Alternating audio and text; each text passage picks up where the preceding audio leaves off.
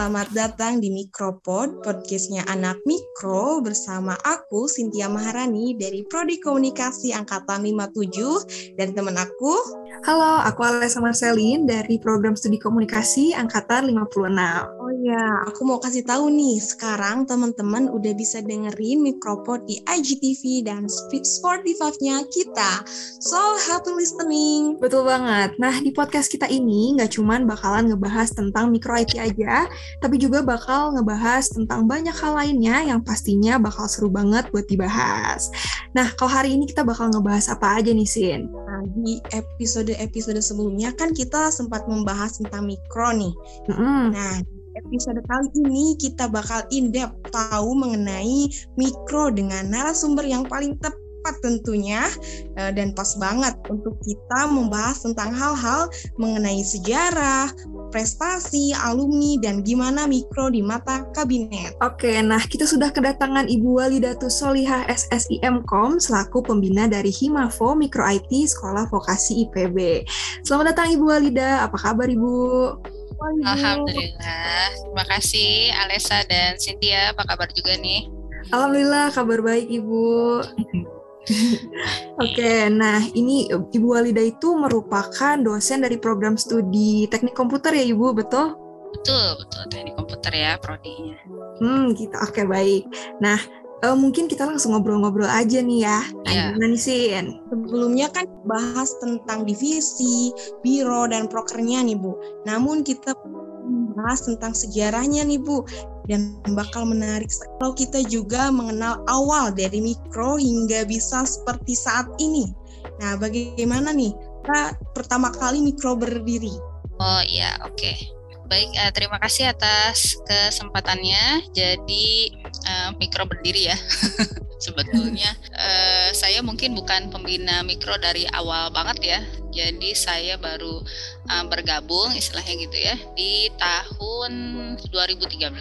Jadi tahun 2013 saya selesai uh, belajar S2 gitu ya. Kemudian uh, ini diajak gabung sama waktu itu ketua mikro uh, angkatan 49 itu siapa namanya? Kuardanu Septiaji. Nah, nah kebetulan berhubung lagi nggak ada kerjaan jadi ya udah ayo kita lihat deh mikronya gitu ya.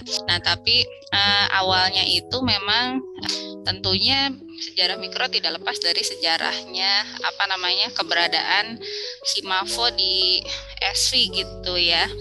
Nah, Himafo di SV ini awalnya tuh namanya uh, Mipro gitu ya. Mipro itu minat profesi. Jadi kan awal dulu diploma, direktorat diploma itu berdiri di tahun 2005. Kemudian kalau nggak salah yang pertama ada itu ya BEM sama DPM gitu ya. Kemudian eh, tahun berikutnya kalau saya nggak salah ingat mulai di angkatan 44 itu dibentuk eh, MIPRO, minat profesi. Nah, waktu itu juga dibentuk ini apa kayak logo-logo prodi, kemudian eh, seragam-seragam prodi gitu ya. Nah, jadi saya kurang begitu apa menyimak karena waktu itu saya sendiri memelopori pembentukannya DMT gitu. Jadi waktu itu pembina mikronya masih Pak Mulyono Herman kalau nggak salah dosen komunikasi ya. Jadi uh, sama ada satu lagi cuma saya uh, lupa siapa gitu. Yang saya tahu Pak Mulyono itu. Nah, jadi uh, tapi sama sih tiga prodi itu ya. Si apa? Nah, itu angkatan 44 kalau nggak salah ketuanya uh, sempat dari KMN juga Nuri ya angkatan 44 itu. Terus ada dari Tekom yang bikin logo gitu ya. Tuh jadi mulai dari angkatan berapa tadi? 44 ya dimulai dari sana semuanya bergeraknya sebetulnya dimulai di angkatan 44 baik itu uh, MIPRO kemudian organisasi kayak apa KLK yang lain lah ya. KLK yang lain itu bergerak pesat lah di situ karena kuliahnya padat ya kuliahnya padat jadi uh, perlu refreshing lah salah satunya ya itu tadi mikro kemudian nah sempat pas saya masuk itu anggotanya sebetulnya sih banyak ya kalau dari catatan jumlah anggota hampir 200 gitu waktu angkatan 49 itu. Tapi kalau kumpul kalau kumpul sedikit gitu. kurang paham tuh ada masalah apa, mungkin karena agak vakum gitu ya. Jadi sempat ya itulah ada masa-masa ini mungkin ya jenuh mungkin gitu. Jadi di 49 itu seperti itu, kemudian ada mulai kan saya baru masuk juga saya kurang paham ya misalnya ada aturan apa aturan apa nah itu mulai dirapikan lagi gitu ya kemudian uh, uang kas juga mulai uh, diisi. Mulai diisi. Ya jadi gimana caranya ya ini cari uang? Tapi jangan pakai danus doang. Kalau pakai danus kayak mungkin kayak jualan gitu ya. Ada lah uangnya cuman kan sedikit. Saya bilang cari ya supaya uangnya bisa banyak gitu. Bikin kegiatan tapi kita usahakan sehemat mungkin. Nah itu kita uh, nabung-nabung dari situ saya bilang. Ya alhamdulillah tuh angkatan oh iya 50 kita mulai adain kegiatan. Kerjasama sih dengan dosen di uh, Tekkom Informatika ya waktu itu soalnya terkait dengan project. Jadi ada pameran project uh, Android waktu itu dengan Bapak Andika ya. Jadi kita bikin pameran di gedung CA lantai tiga itu satu lantai tuh buat uh, pameran projectnya Android gitu ya anak informatika sama Tekkom saya waktu itu baru itu sih ya karena masih terbatas ke mata kuliah itu jadi belum diperluas. Kemudian 50 nah angkatan 51 sebetulnya dia udah bikin dari 49 si Pak Andika ini mata kuliahnya apa ya namanya client server apa ya saya lupa. Lalu di angkatan 51 nah itu dibuat ini saya ceritakan yang kegiatan besar-besar mungkin ya yang menurut saya jadi uh, awalnya IT Fest gitu ya. Ini dari sini juga sih sempat di angkatan 50 itu mau ada IT Fest cuman nggak jadi kalau nggak salah ya. Di 51 kayaknya dijadiin. Lalu ada kegiatan besar juga lanjutan dari yang tadi uh, Teknode ya DTD itu tadi yang mau dirancang jadi kegiatan tahunan mikro cuman karena based on project uh, tugas gitu tugas mahasiswa. Jadi tentunya harus ada kerjasama dengan dosen. Nah di 51 ini puncaknya puncaknya kita bisa bikin tiga rangkaian kegiatan uh, yang puncaknya itu sih pameran tadi. Terus ada pentas-pentas segala pokoknya heboh banget yang ini. Terus dah di 52 karena saya lagi hamil ya jadi saya nggak bisa terlalu fokus untuk ngadain itu. Jadi padahal panitia udah semangat banget waktu itu siapa ya Sahrul apa ya aduh saya jadi gak enak gitu ya. Cuman jadi kita coba outdoor. Nah cuman karena ya tadi ya karena dosennya juga kan ini perlu kerjasama yang baik gitu ya dengan dosen ya komunikasi yang baik. Pokoknya dosennya harus ikut turun gitu kalau enggak nah seperti itu. Jadi agak kegiatan tetap terlaksana tapi mungkin kurang kurang heboh gitu ya. Terus di 53 kayaknya saya bilang saya nggak sanggup dulu karena ada bayi ya. Ada bayi itu lahir anak saya yang kedua. Jadi ini kalau mau diadain silahkan saya dukung sebisa saya tapi saya nggak bisa ikutan ikut campur gitu maksudnya terlalu dalam jadi ya kayaknya teknodenya dihapus apa ya di 53 karena panitia juga nggak sanggup juga. Tapi ada IT Fest. Nah IT Fest ini yang masih sampai sekarang ya saya ya. Saya sih prinsipnya kalau kegiatan ya jangan sampai bikin capek mahasiswa lah gitu ya. Jangan sampai malah terlalu membebani gitu. Kalau membebani ya mendingan nggak usah aja sayang gitu. Misalnya panitia sampai capek udah gitu mengeluarkan uang sendiri. Nah saya nggak mau sih kalau yang seperti itu pengennya sih dapat manfaat seru-seru bareng gitu ya. Terus mikro apalagi ya? Ya alhamdulillah sampai sekarang kita ada grup ini keluarga alumni mikro lah kalau nggak salah ya. Jadi sebetulnya sih kalau mau mengundang kakak-kakak alumni gitu ya dari angkatan berapa dia ada? 44 kayaknya ya. 43 sih 43 ya.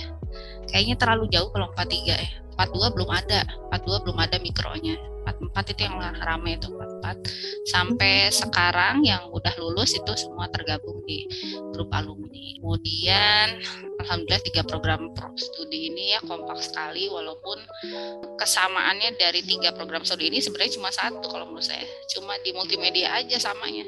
Sisanya kayak iya ya kan? Beda banget gitu maksudnya.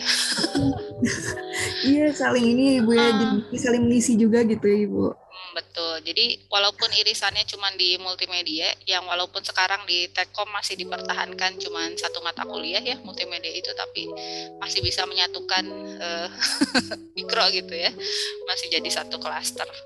Gitu. Hmm. Jadi kenapa dibuat satu klaster dulu? Karena uh, kelihatannya arahnya ke teknologi gitu. Makanya dari Mipro dulu sampai sekarang Himavo ya. Himavo ibu Iya masih dibuat uh, satu klaster. Walaupun makin ke sini sebetulnya makin makin beda ya tiga prodi ini makin ke sini makin beda tapi uh, ya samanya masih adalah sedikit sedikit. Oke okay, Ibu, nah tadi kan Ibu juga sudah uh, mention gitu sebelumnya Ibu bahwa mikro itu sudah berjalan dari beberapa tahun yang lalu gitu, jadinya banyak eh, tahun-tahun juga yang berlalu gitu ya bersama mikro gitu. Nah dari tahun ke tahun ini Bu, uh, apakah anggota mikro itu banyak yang mencetak prestasi? Nah terus juga uh, untuk prestasinya ini uh, apa saja gitu Ibu yang telah dimiliki oleh mikro? Prestasinya ini sih kayaknya banyak ya, cuman yang saya ingat mungkin beberapa ini. Mawapres, uh, wapres, wap, wapres yang ngomongnya, wapres dari vokasi. Nah ini mapresnya mapres ya. Mapres vokasi itu tiga tahun tuh dari mikro. Sebelumnya itu ada Sultan Tekom tapi dia dari mikro. Nah dia uh, mapres. Setelah itu Safira. Setelahnya kalau nggak salah Dwi Rizky ya. Dwi Rizky Manggala Putra. Nah ini wakil ketua mikro angkatan 52 kemudian setelah itu ini Raffi Tahira nah dia juga kan mapres. SV ketua mikro sebelumnya kayak pernah di angkatan 51 tapi baru sampai camapres baru calon uh, si siapa? Wakil ketua mikro namanya perempuan Rati Sabrina. Nah Rati Sabrina.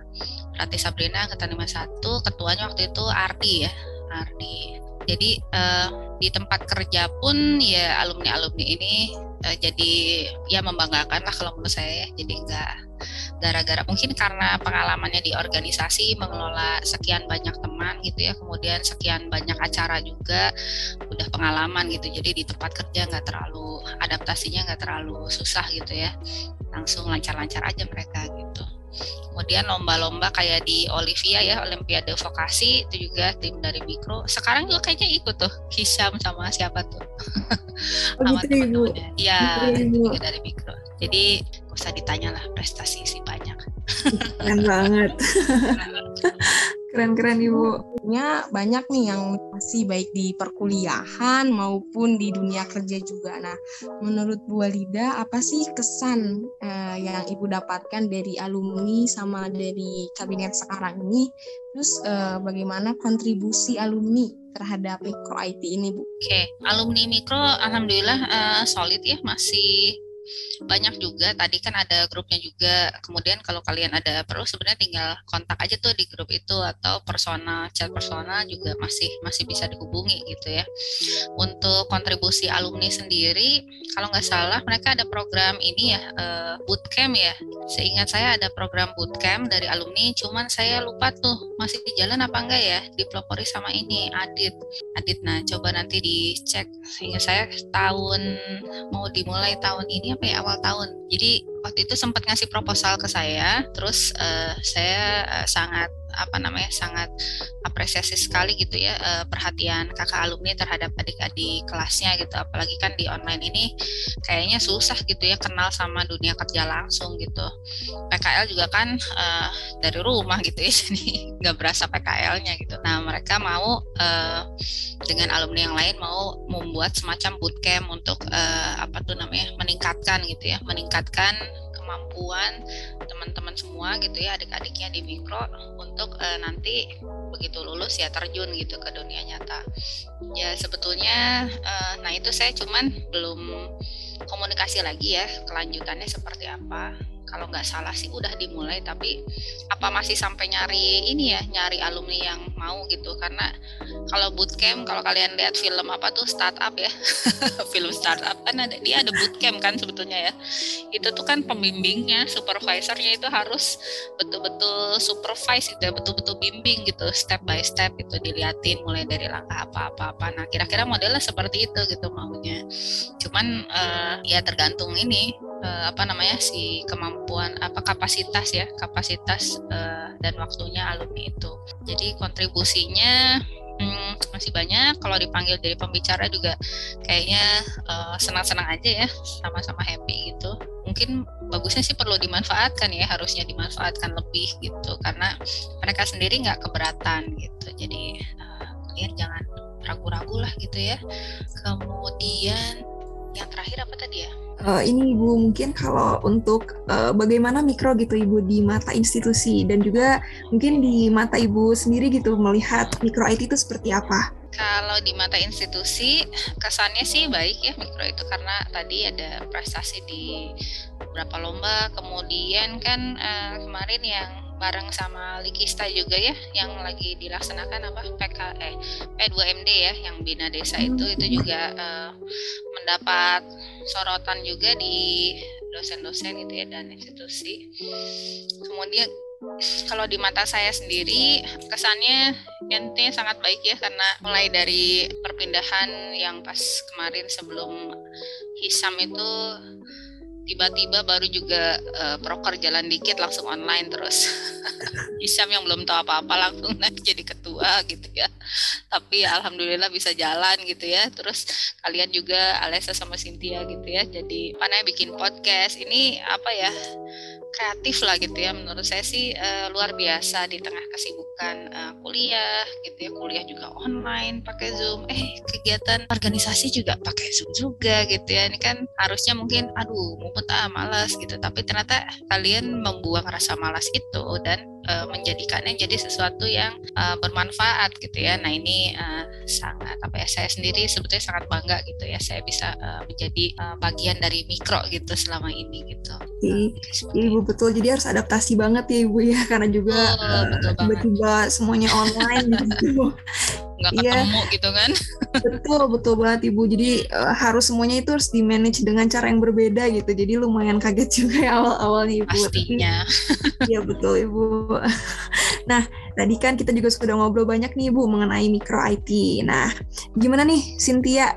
Udah tahu lebih banyak belum nih tentang mikro sekarang? Ternyata mikro tuh seru keren prestasinya banyak. Dan pastinya pembina kita keren banget ya. Nah yang keren sih anggota mikro mikronya. Kalau saya ikut ikut happy aja. Oke Ibu, nah sebelum kita mengakhiri episode kali ini, mungkin ada harapan gitu dari Ibu Walida untuk mikro ke depannya, atau juga mungkin boleh uh, memberikan saran-saran untuk mikro, uh, mikro ke depannya Ibu? Saya sih uh, berharap kegiatan-kegiatan uh, seperti ini bisa terus dilanjutkan gitu ya, terus dilakukan. Uh, anggap aja selingan dari tugas-tugas kuliah gitu ya, anggap selingan. Karena bukti ya, terbukti dengan alumni-alumni uh, mikro gitu ya, bahwa apa yang sudah uh, mereka lakukan di mikro ternyata sangat bermanfaat gitu ketika mereka lulus gitu ya sedikit sekali yang de saya dengar beritanya uh, kacau gitu ya. Tapi yang saya dengar tuh oh ini di sini ini di sini gitu ya bikin perusahaan apa perusahaan apa perusahaan apa kayaknya banyak banget gitu perusahaan di dunia ini jadinya ya. Nah sehingga pasti juga akan ada manfaat gitu yang teman-teman rasakan di mikro gitu ya ketika bergabung. Saya tahu akan wah nanti kan nambah banyak masalah. Iya jelas nambah masalah, tapi masalah-masalah itu akan membuat kita justru menambah apa ya kemampuan untuk menyelesaikannya gitu kan? Karena banyaknya tadi. Kalau masalahnya sedikit ya kemampuannya sedikit, tapi masalahnya banyak kemampuannya akan meningkat gitu ya. Semoga kegiatannya bisa terus dilaksanakan. Kemudian anggota-anggota mikro bisa menebar manfaat untuk semua apa masyarakat Indonesia gitu. Kemudian tetap semangat aja, terus tetap uh, jaga kesehatan. Semoga uh, semua kegiatan di tahun ini ya bisa lancar sampai nanti di penghujung uh, kepengurusan gitu ya. Seperti itu. Kemudian untuk saran, biasanya kalau kegiatan ya mungkin bisa lebih rapih lagi gitu ya, mulai dari uh, dokumentasinya, perencanaan itu ya nggak apa-apa sih, namanya juga belajar ya. Uh, kalau ada yang kurang-kurang ya sangat wajar, tapi ya kekurangan itu uh, seharusnya bisa diambil jadi apa namanya pengalaman untuk kegiatan atau acara berikutnya. Kemudian pengalaman-pengalamannya atau kekurangannya harus diturunkan sama adiknya, maksudnya adik-adik kelas untuk berikutnya gitu ya. Jadi misalkan oh kita tahu nih sekarang kegiatan terus ada kesalahan misalnya ya kekurangannya apa gitu setelah dievaluasi kan suka ada evaluasi itu ya nah nanti evaluasinya harus disampaikan ke adik-adiknya supaya kegiatan tahun depan misalkan mau mengadakan kegiatan yang sama itu bisa diminimalisir. Nah, teman-teman segitu dulu aja untuk podcast kita hari ini. Terima kasih kepada Ibu Walida sudah menyempatkan hadir dan sharing-sharing di mikropod kita hari ini. Nah, semoga Sehat-sehat selalu juga ya untuk Ibu Alida dan juga uh, semoga harapan untuk mikro ke depannya bisa terlaksana ya Ibu. Amin. Amin. Juga terima kasih banyak untuk uh, teman-teman semua sudah sempetin untuk dengerin kita. Semoga bermanfaat dan stay tune terus di podcast kita selanjutnya karena dijamin bakal seru banget. Dengerin juga episode-episode kita sebelumnya nih di Spotify-nya Micropod. Uh, aku Alessa Marcelin dan juga uh, temanku Cynthia Maharani pamit undur diri. Stay healthy and see you on the next episode. Bye-bye. Bye-bye.